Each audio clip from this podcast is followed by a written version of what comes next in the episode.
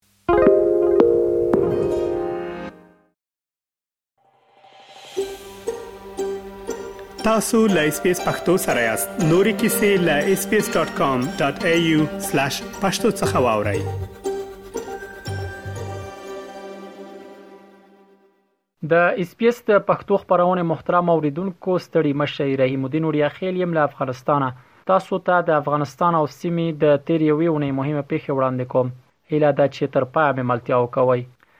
د افغان طالبانو او پاکستان د سرحدي پوځیانو ترمنځ تیر اونۍ دوه ځله له چمن سره پر پوله د شیر اوبو په سیمه کې نښتې وشوې د دغه نښتو لومړۍ هغه د تېرې اونۍ د دوشنبې په ورځ وروسته تر هغه وشوه چې افغان طالبانو په سیمه کې امنیتي پوستې جوړولې چې پاکستاني لورې پرې ډزې وکړې او تر هغه وروسته نښته رامنځته شوه. تر دغې نښتې وروسته د پاکستان صدراعظم شهباز شریف پر خپل ټویټرپاڼه ولیکل چې طالب پولساتو ځواکونو بې دلیله ډزو کې یو شمېر پاکستاني وګړي وژل شوي او ګڼ شمېر نور ټپیان شوي دي. هغه د دې پېښې د غندلو تر څنګ وویل چې د طالبانو سرپرست حکومت باید دا یقیني کړي چې دا ډول پېښې په راتلونکي کې بیا تکرار نه شي. ورته وخت کې طالبانو د بهرنیو چارو وزارت د سپین بولدک چمن په لار رامنځته شوې پېښه خواشنوونکې وباله او پاکستان ځینې یې وغوښتل چې هغه پاروونکې پېښې چې د دواړو هیوادونو ترمنځ د تاوتریخوالي لامل ګرځي او پر اړیکو اثر کوي مخنیوی وکړي خو له دې سره سره چې دواړو لوري له یو بل څخه دغه ډول غوښتنې وکړې، طالبان او پاکستاني ځواکونو د پنجشنبې په ورځ هم سره ونښتل چې په دې پیښه کې یو تن ووژل شو او د ښځو او ماشومانو په ګډون شل تنه نور ټپیان شول.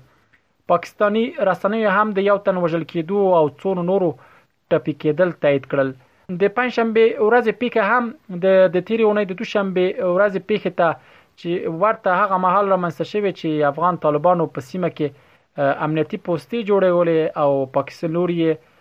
مخنیوی کړی او چې دواړو ترمنځ نښت رامنځته شوې پر دغه پوله تر دې وړاندې د نومبر میاشت کې هم د طالب سرتېرو او پاکستاني ځواکونو ترمنځ نښته رامنځته شوې وه چې هغه مهال دغه دروازه د یوې اونۍ لپاره د هر ډول تګ راتګ پر وړاندې تړل شوې وه.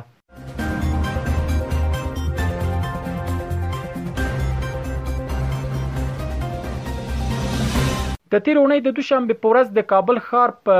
زړه شهرنو سیمه کې په هغه مېلمستون وسلوالو برید وکړ چیرته چې چینايي وګړي او سوداګر اوسېدل.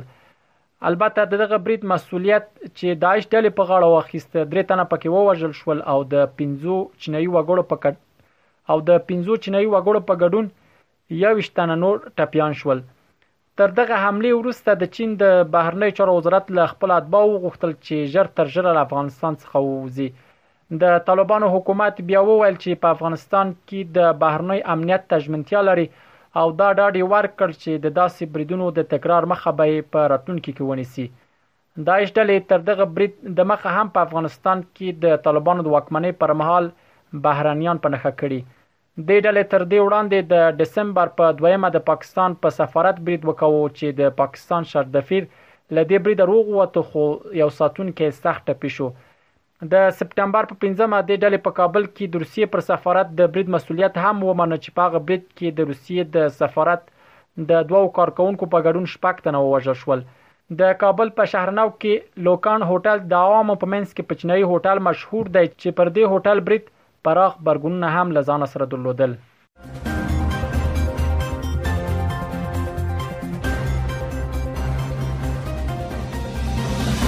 د ژغورنې نړیوالې کمېټې یا آی آر سي تېره اونۍ وویل چې د افغانستان نږدې ټول وګړي له بېوزلۍ سره مخ دي. دغه کمېټه هر کال د نړۍ د هغو شلو هېوادونو لېست خپروي چې اټکل کېږي بشري وضعیت په کې خورا خرابې کچې ته رسېدلی چې دا ځل افغانستان په کې درېیم ځای خپل کړی و. د یادې کمېټې په خپره شوې خبرپاڼه کې راغلي ول، افغانستان کې له تېر څه باندې یو کال راهیسې د واک له بدلون وروسته خلک له اقتصادي ځوړتیا سره مخ دي او د ښه کېدو برخه کې د حکومت هڅې ناکامه شوې دي. دغه کمېټې وچکالي او سېلابونه د فصلونو او څارویو د لمنځه تلو لاملونه یاد کړي ول چې په وینا یې د خلکو اقتصادي وضعیت یې لا پسې خراب کړی. آی آر سي افغانانو سره په مرستې ټینګار کړی و او ویلي و چې تمه لري اته سوه زره افغانانو ته په مستقیم ډول مرسته وکړي او څلور میلیونه کسانو ته بیا د خپلو بېلابېلو خدماتو له لارې مرستې ورسوي. تېر کال اګست راهیسې پر افغانستان د طالبانو له ولکې وروسته په دغه هېواد کې اقتصادي وضعیت مخ په خرابېدو دی او ګڼو کسانو خپلې دندې او کاروبارونه له لاسه ورکړي. البته دغه وضعیت نه یوازې افغانان بلکې نړۍ هم اندېښمن کړې او کابو کولو هڅې یې راروانې کړي ترڅو د بشري مرستو پر مټ د افغانانو لاسنیوی وکړي.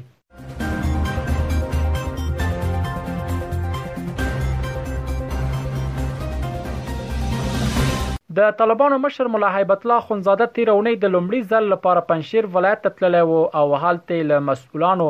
علماو او ولسی مشرانو سره وکتل د طالبانو ویاند ذبیح الله مجاهد د پخوا په څیر پرته لدی چې د دغه ډول لیدنو انځورونه او یا هم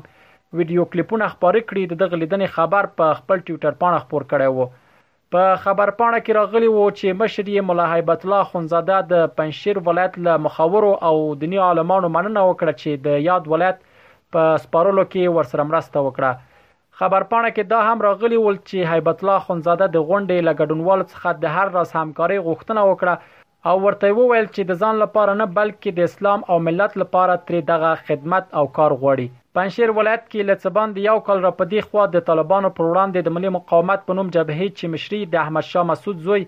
احمد مسعود کوي وسلهوال مبارزه روانه کړې ده. پر طالبانو تور دی چې په تېرو څو میاشتو کې د پنجشیر ولایت په دوو سیمو کې له دغه جبهې سره د همکارۍ او لاس لرلو په تور یو شمېر ولسي وګړي او د دې ترڅنګ د مقاومت جبهې اسیران وژلي دي. نړیوالو بنسټونو هم څو ځله طالبان په پنجشیر ولایت کې د ولسي وګړو په نیولو او صحرایي محکمه تورن کړي چې خو طالبان بیا دا هر څه رد کړي دي او ویلي یې دي چې ټول دغه کسان د دوی د ځواکونو سره په مخامخ جګړه کې وژل شوي دي.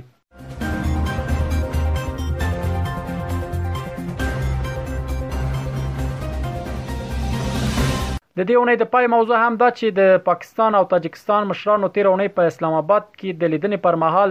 په افغانستان کې د ټولګډونه حکومت رامنځته کېدو غوښتنه وکړه. د پاکستان د صدراعظم شهباز شریف دفتر د دغه لیدنې په اړه د چهارشنبې په ورځ